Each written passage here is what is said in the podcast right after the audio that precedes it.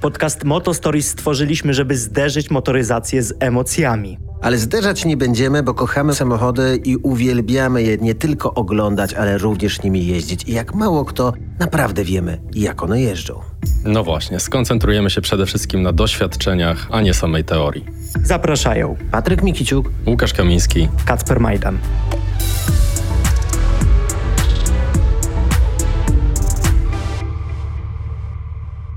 Panowie, macie do dyspozycji 625 milionów złotych. Mniej więcej. Na co wydajecie tyle pieniędzy? ja bym zlecił panu Sasinowi dziewięć tur kolejnych wyborów.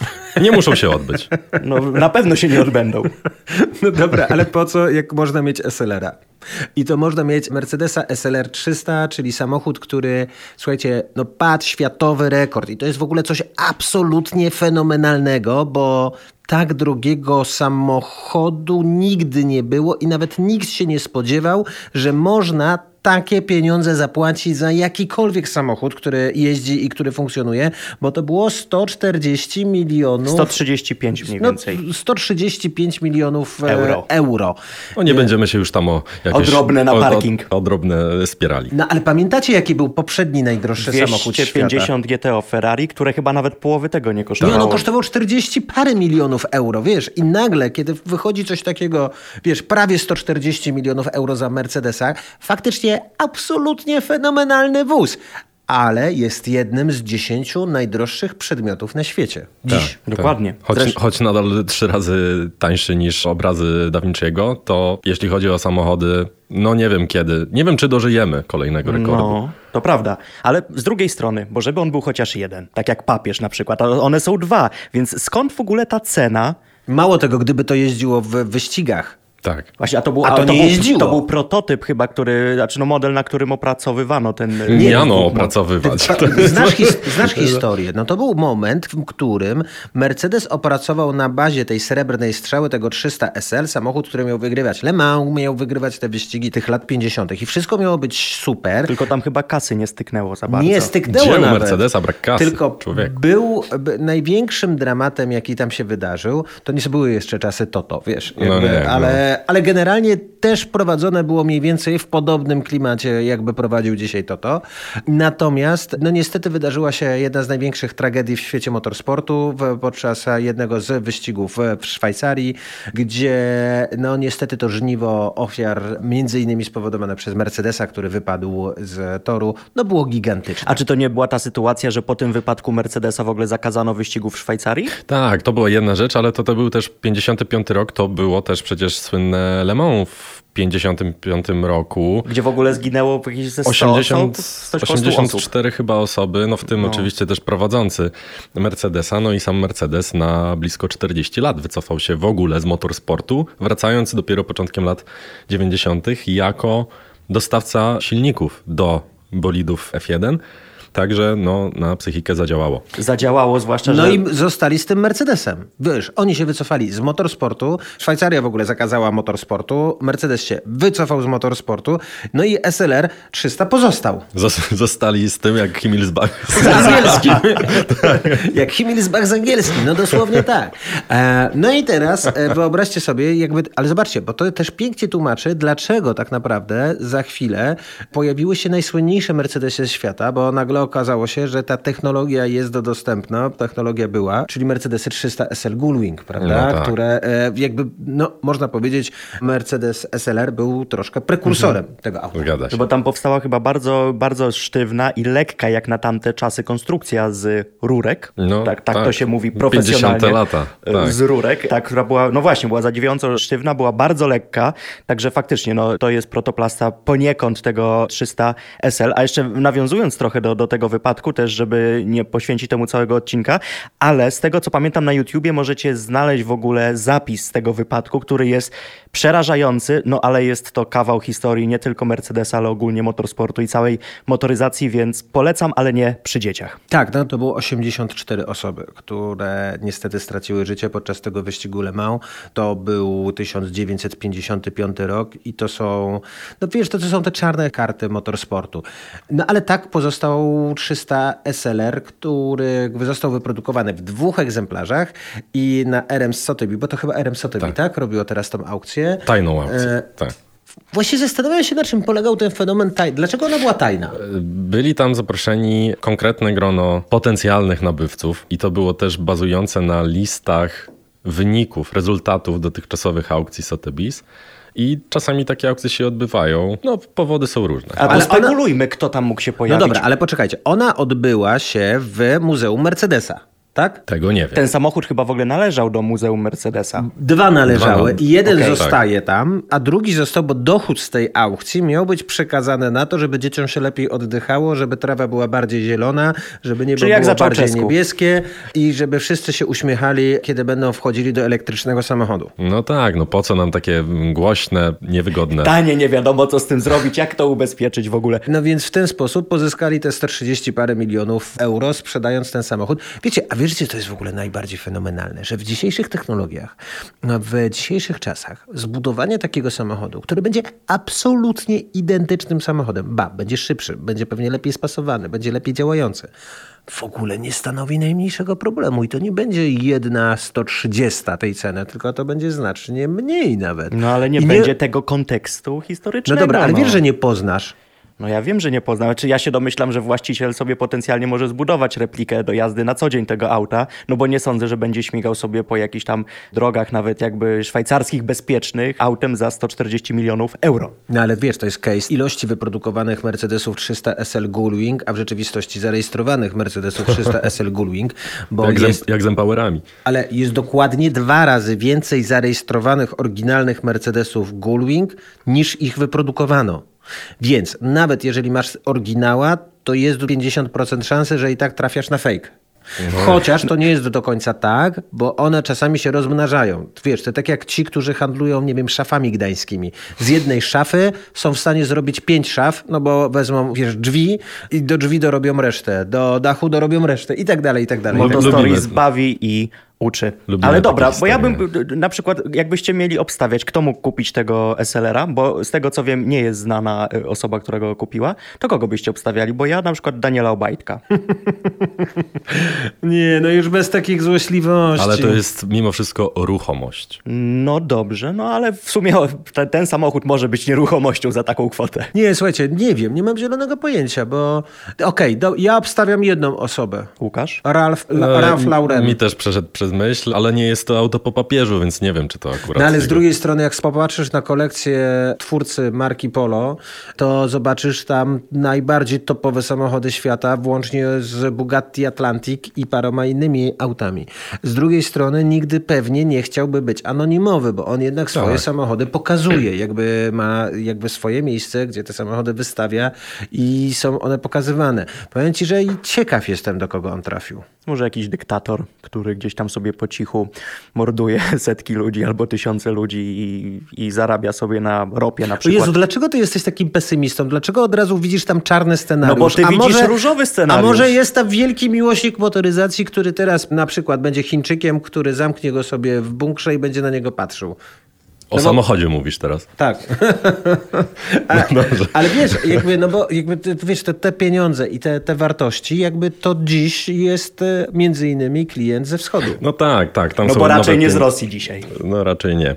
No dobrze, ale ten samochód, czyli SLR, czyli sportowy, lekki, wyścigowy jest ten klasyczny, jest niewinną przygrywką do tematu dzisiejszego Motostories, bo mówiliśmy już o wielu samochodach, super samochodach, hiper samochodach początku XXI wieku, no i nie powinno w tym gronie zabraknąć też nowożytnego Mercedesa McLarena SLR.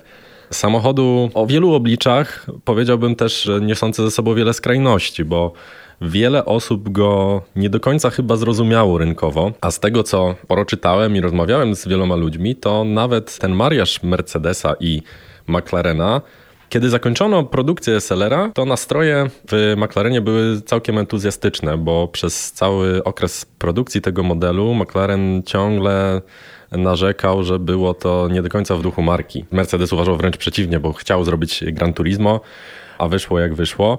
W każdym razie no, po zakończeniu produkcji tego samochodu marki rozeszły się na dobre, ale to już jest odrębna historia. Ale nie mówisz o Deutschmarkach, tylko o markach typu Mercedes Je, i McLaren. Tak, Wtedy już jedno chyba było euro. Już chyba już marki było, wtedy. Już było. Tak. było.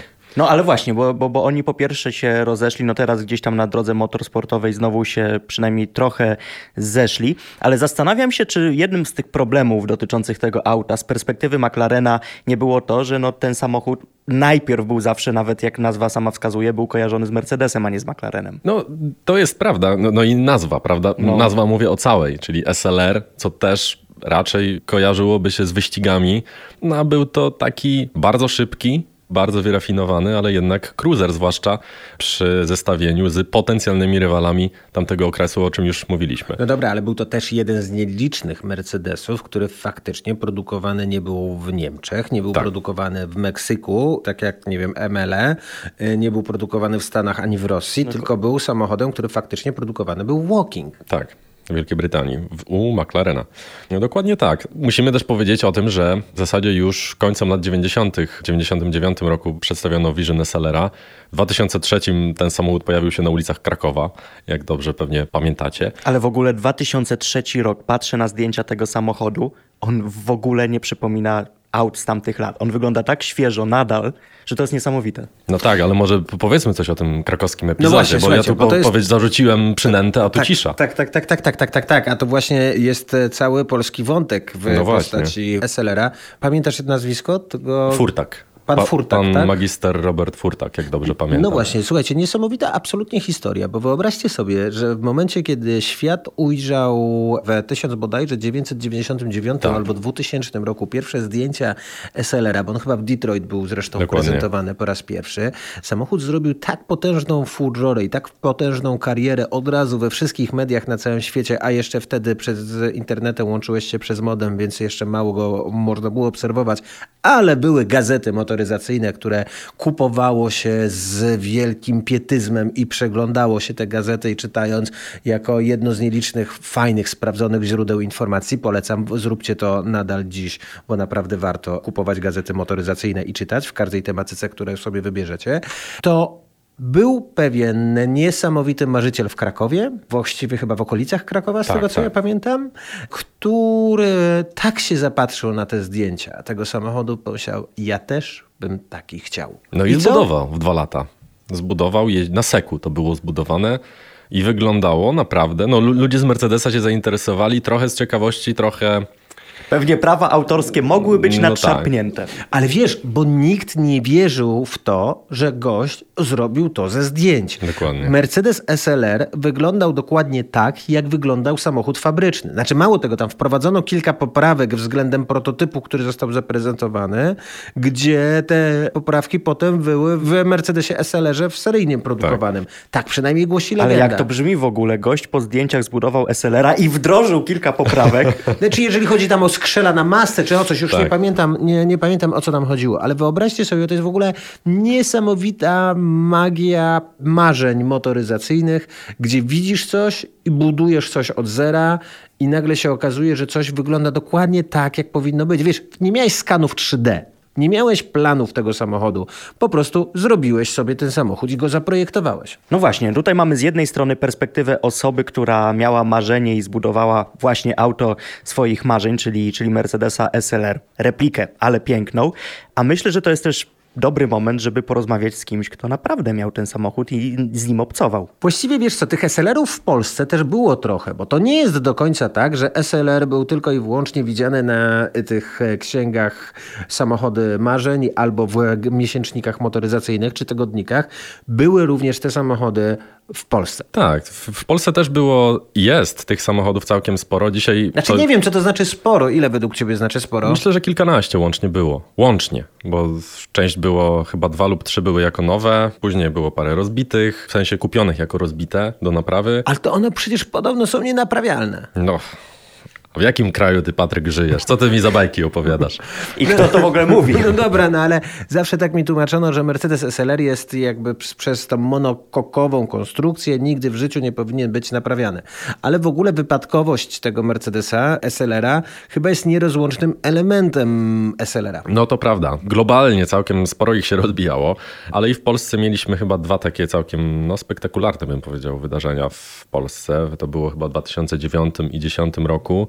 O którym mówisz? Bo ja już nie pamiętam. Oba srebrne był... były. No tak, ale mówisz o tym w Warszawie, czy mówisz o tym w plenerze gdzieś poza Warszawą? No właśnie w 2009 roku chyba był tu w Warszawie. To było przy Cytadeli i on się... To było na wyjeździe z tunelu, z trasy. No dzisiaj przeglądałem zdjęcia Tak? i artykuły, tak. Wydaje mi się, że przy Cytadeli, ale w każdym razie... Ja nie pamiętam, wiesz, ja wtedy pamiętam, byłem w raporcie i faktycznie robiło się dużo Tam zamieszania było wokół sporo, zwłaszcza, że tam chyba też 599 gdzieś tam z przodu jechało, ale czarne. Nie czerwone, tak. nie No, czerwone. obklejone po prostu. Tak, to to było jedno auto. Yy, A znasz później- historię tego wypadku, czy nie? Nie znam. Bo oni kupili ten samochód jakieś 15 minut wcześniej. To A. byli, z tego co ja pamiętam, robiłem o tym, pamiętam w raporcie, kiedy w TVN Turbo siedzieliśmy jeszcze i to był dokładnie ten moment i pamiętam, że to byli obywatele pochodzenia romskiego, z tego co kojarzę, którzy kupili ten samochód w hotelu Sheraton, bo było mnóstwo zdjęć tego SLR-a, jak on stał zaparkowany Tak. pod Sheratonem. Przyszli dżentelmeni z reklamówkami i zostawili reklamówkę pieniędzy, albo kilka reklamówek pieniędzy za tego, za tego SLR-a. Zależy od waluty. I jeden ze szczęśliwych posiadaczy, nabywców tego auta wsiadł razem ze swoim synem do tego samochodu. Który grał na akordeonie. Zaczęło się od tunelu, w którym jakby wiadomo, co się dzieje, robi w tunelu e, Mercedesem SLR. To jest... No i skończyło się za tunelem.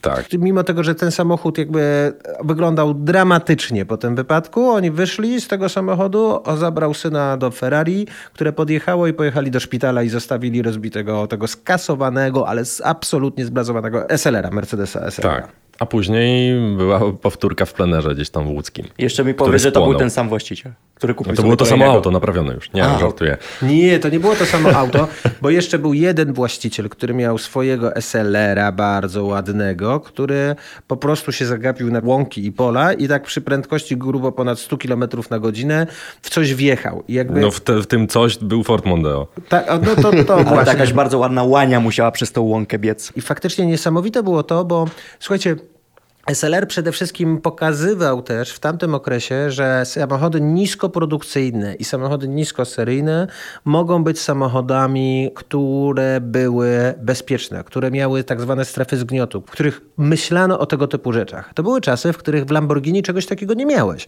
W Ferrari no, początki. też to były same początki tego wszystkiego. Lamborghini było wyspawane z rurek, wiesz, jakby i nic więcej. Natomiast tak jak rozmawiałem z właścicielem tego drugiego samochodu, którym rozbił się w plenerze, on mówi, słuchaj, to było niesamowite, bo on przyłożył tym samochodem i to jest absolutnie jego wina, jakby wie, że to jest jego wina, on się zagapił.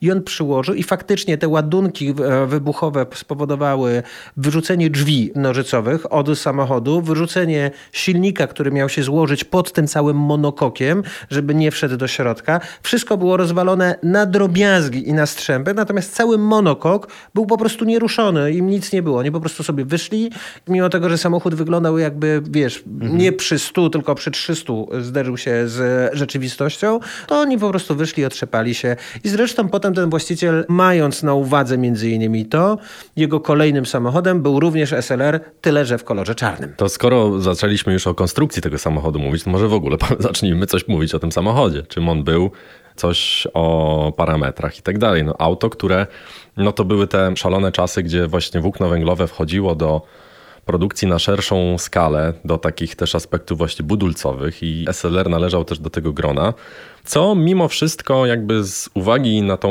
jego budowę, o której mówiliśmy wcześniej, czyli z założeń takiej szybkiej, dalekiej turystyki, no wcale nie sprawiło, że był lekkim autem, bo z tego co pamiętam ważył 1750 kg, co czyniło go cięższym i od DBS-a, i od 599, i od wszystkich innych rywali, nie mówiąc już o tych bardziej sportowych, jak Carrera czy Murcielago.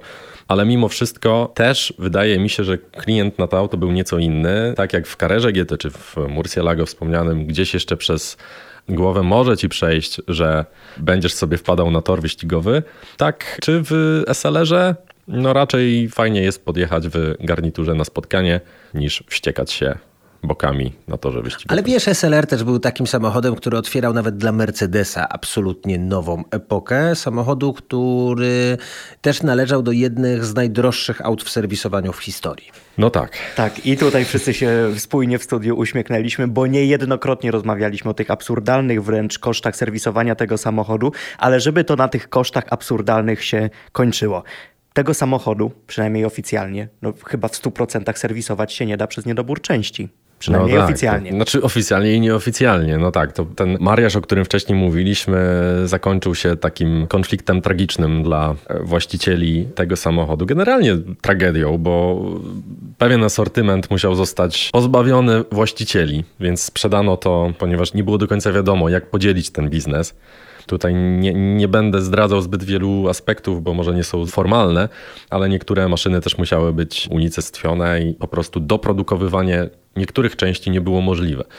A projekty tych, e, tych części i tego auta, one się zachowały, czy również No myślę, że nie. Zniszczone? Myślę, że nie. Stąd też dzisiaj na przykład sporym problemem jest to, że pojawia się sporo replik różnych rzeczy, Problemem i nie, bo z uwagi właśnie na to, co powiedziałem minutę temu, do końca nie wiadomo, kto ma dochodzić praw do tych części, więc y, jest to taki trochę czarny rynek, ale obstawiam, że gość, z którym się za chwilę połączymy, powie nam na ten temat trochę więcej, bo jest osobą, która wie o SLR-ach sporo, zwłaszcza od tej technicznej strony serwisowej i... No właśnie, słuchajcie, bo to jest kosmos. To jest kosmos do dziś, bo nie możemy mówić oczywiście o tym samochodzie, że wow, wiecie, początek lat 2000, 630 koni, tam 3 i 3 do setki w tych najbardziej topowych seriach, 300, prawie 40 km na godzinę. I ale... guzik odpalania na drążku zmiany no. Guzik odpalania to jest, słuchaj, to jest coś, co w ogóle było mokrym snem jakby u wszystkich, kiedy tak. zobaczyli ten guzik odpalania na... W, la, w Lanosach, w Płocku na, na zlotach i w Pile się robiło takie. Oczywiście jak odpalały. Ale nie, no stary, mój drogi, drogi. No ja jakby jedną z poważnych rzeczy w najpoważniejszym Mercedesie CL-u świata, to pierwsze co poprosiłem o uruchomienie przycisku e, na skrzyni biegów odpalania, nie? No bo to, to Niech chociaż rozrusznikiem kręci, no, nie musi odpalać. Ale to jest w ogóle idealne miejsce przełącznika benzyna-gaz. A to inna sprawa. Tak. No, wesele... Albo nitro. No czyli benzyna. W SLR-ach Podtlenek tak butanu. Halo? Cześć. Słuchaj. Dzień dobry.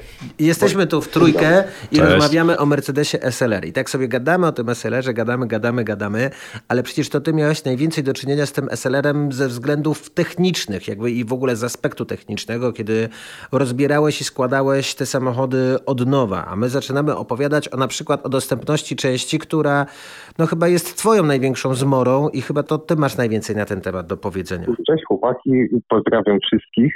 Patryku, co prawda od mojego ostatniego kontaktu z Celerem no już trochę czasu minęło, więc nie wiem ile dam radę sobie przypomnieć takich ciekawostek na jego temat. No ale y, tak, z częściami, szczególnie tymi karoseryjnymi, czy z cenami na niektóre elementy, no tam było niełatwo, jak zresztą wiesz. No ale cóż, kiedyś poruszaliśmy też temat cen części, że części drożeją, że dostępność czasami jest no, y, żadna, ale tu też sobie powiem, że w przypadku Celera zdarzały się przypadki, kiedy części taniały. Na przykład y, Czyli chcesz, hamulcowa. chcesz mi powiedzieć, że części do SLR-a to element spekulacji? Nie do końca. Wiesz co, części takie jak zderzak, powiedzmy, no nie wiem, może nie zderzak, ale drzwi, klapa, jakieś elementy powiedzmy konstrukcyjne, już takie ukryte głębiej, one raczej nie tanieją. Natomiast kiedyś jak się spotkaliśmy, poruszyliśmy temat cen i tarcza bodajże kosztowała około 70 tysięcy złotych.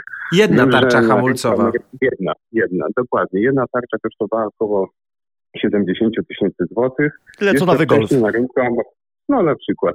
Jeszcze wcześniej na rynku amerykańskim było to około 25 tysięcy dolarów, ale później pojawił się taki moment, gdzie sprawdzałem i ona już kosztowała między 20 a 30 tysięcy złotych, czyli no okazja, prawda? No. E, ale, ale ta cena, jak widzisz, poszła w dół. No, tak czasami jest z cenami części eksploatacyjnych, że gdzieś tam rynek wymaga po prostu może korekty tej ceny, bo w innym wypadku będą dominowały sprzedaży firmy, które sprzedają aftermarket. A nie no dobra, ale, ale Łukasz, ja pamiętam tego SLR-a, który stał u ciebie e, i ty mi pokazywałeś na przykład boczek drzwi do tego samochodu. I jakby no nie jest mhm. to skomplikowany technologicznie element. No bo wiecie, jak to myślisz sobie nie. o tarczy hamulcowej, to myślisz sobie, dobra, może ona jest wykonana z takiego stopu, jakby z takiej ceramiki. Mhm. Jakby wiesz, to może jest jakimś technologią, no, która jest pra tak, pra prawdopodobnie ściągnięty z NASA albo od ufolutków z technologii, wiesz, że Roswell, jakby wiesz, no nie wiem, no jakby od czegoś. No ale jak myślisz sobie o boczku w samochodzie, który nie jest drzwiami, tylko jest po prostu boczkiem i z tego, co ja pamiętam, to wtedy ceny tego boczka kosztowały w granicach 70 tysięcy złotych za plastikową wytłoczkę.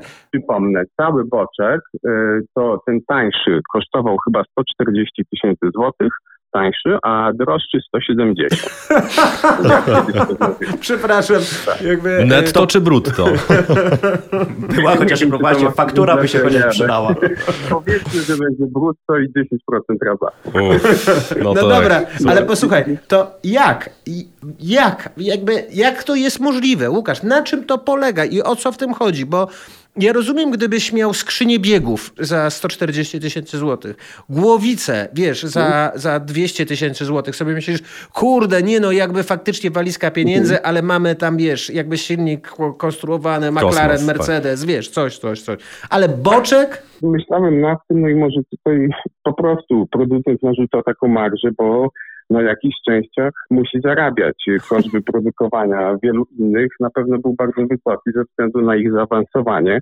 E, no ale z tym boczkiem to ewidentnie jest przesada. Ja sobie nie wyobrażam, dlaczego on może tyle kosztować, ale faktycznie tyle kosztuje. Co jeszcze z takich dziwnych cen, co pamiętam, chyba kiedyś klamka, która otwierasz drzwi wewnątrz, kosztowała też coś około 20 tysięcy złotych na przykład. Mhm. Ta malutka klameczka. Czyli boczek 170, klamka 20, mamy już prawie 200 tysięcy. Nie myśl, ile śrubki kosztują, albo spinki do spięcia tego boczka. Wiesz to, y, śrubki, większość jest z nierdzewki, na pewno nie są tanie. No, ale to już... Już powiem tak, na śrubki może bym wyrobił.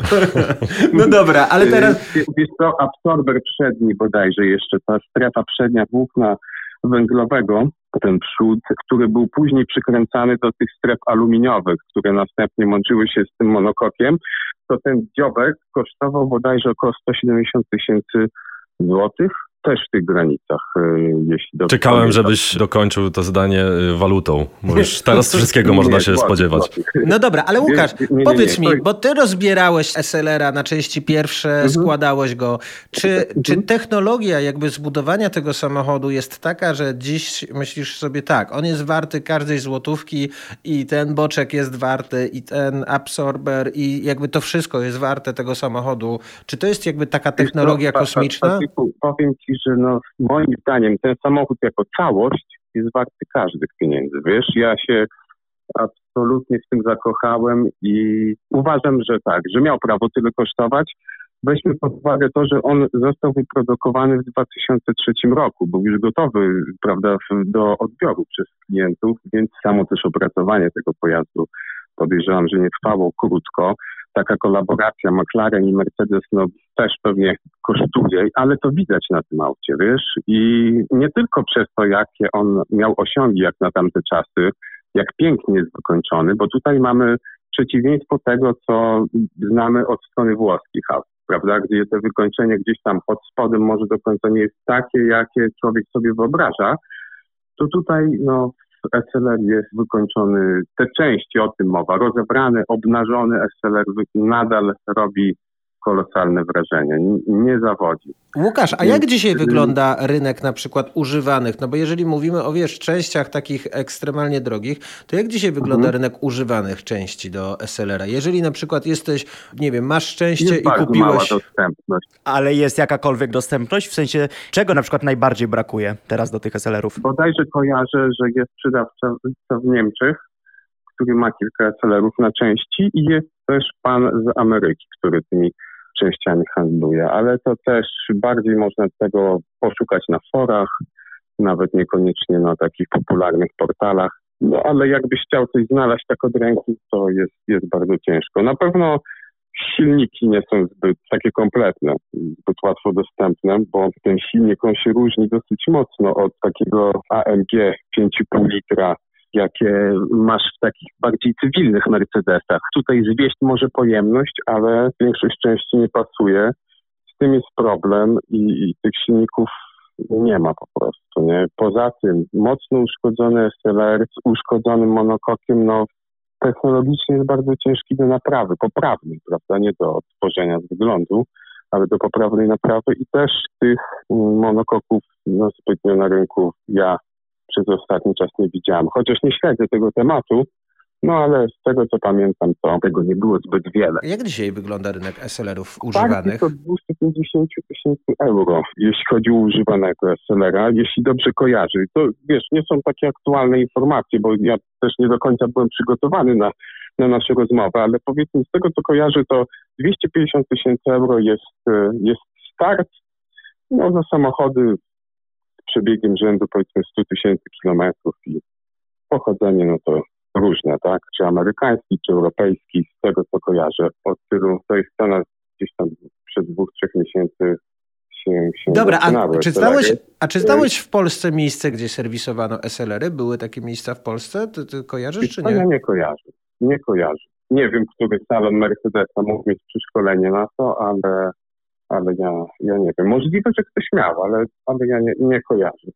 Okay. No ale wracając do tego pytania, czy samochód był wart tych pieniędzy i, i skąd ta cena się wzięła, wiesz co, na niego trzeba spojrzeć jako na całość i wrażenia z jazdy, jakie oferuje i, i, i no wiele właśnie tych detali takich urokliwych, chociażby jeśli zaczynasz go powiedzmy przy nim pracować, gdzieś tam odkrywasz sobie kolejne elementy, to bardzo takie pozytywne wrażenie zrobiło na mnie to, że powiedzmy widzisz linkę, którą otwierasz sobie wlew paliwa, prawda? Mhm. No i normalnie byłoby to tak, że masz linka firmy Mercedes, taka i taka, pasująca jeszcze do A-klasy, czy do jakiegoś Mercedesa klasy E i tak dalej. Wsadziliśmy ją sobie, bo pasuje, sprawdzona i niech sobie siedzi. Natomiast w przypadku SLR-a tam było inaczej. Był to produkt brytyjski, o ile dobrze pamiętam. Był podany numer telefonu do producenta i adres e-mail na części. Więc to było niesamowite. Druga rzecz, jaka mnie zdziwiła, to wymienniki chyba ciepła niektóre były firmy, pierwszy raz coś takiego widziałem, Be Cool, rozumiesz? Także no i Brzmi jak żelki. No to... Słucham? Brzmi jak producent żelek. No kurczę, zastanawiałem się, co to takiego jest i gdzieś tam zacząłem googlować. Okazało się, że jest to firma, która produkuje między innymi chłodnice do dragsterów. Okej, okay, czyli jakby oni, te, czyli to była manufakturowa absolutnie produkcja. No dobrze. Łukasz, tak. dziękuję Ci wobec tego, dzięki serdeczne wobec tego za, za te kilka słów. Od strony praktyka, bo my możemy sobie poteoretyzować, Ty miałeś z tym jednak najwięcej do czynienia. No od strony praktycznej jest naprawdę urzekający.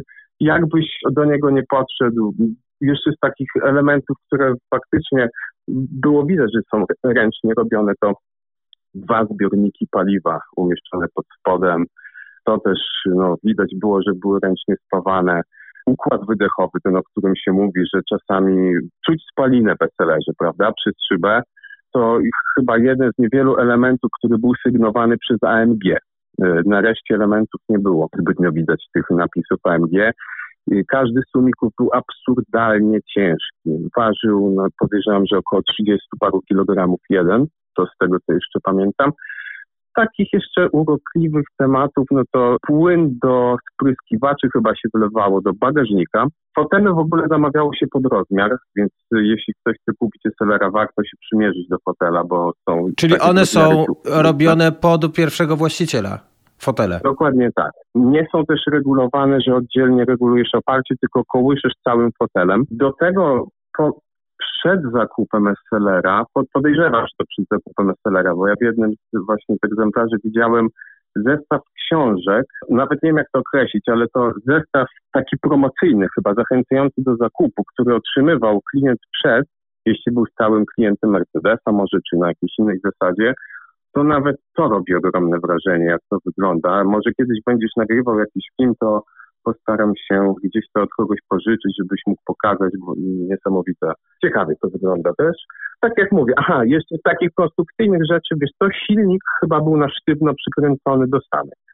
A, czyli, on, czyli te wszystkie drgania przechodziły na całą karoserię samochodu? Tak, jak najbardziej. To było czuć, ale w taki pozytywny sposób, ale to też no, nie było coś, z czym się spotkałem na co dzień. Mhm.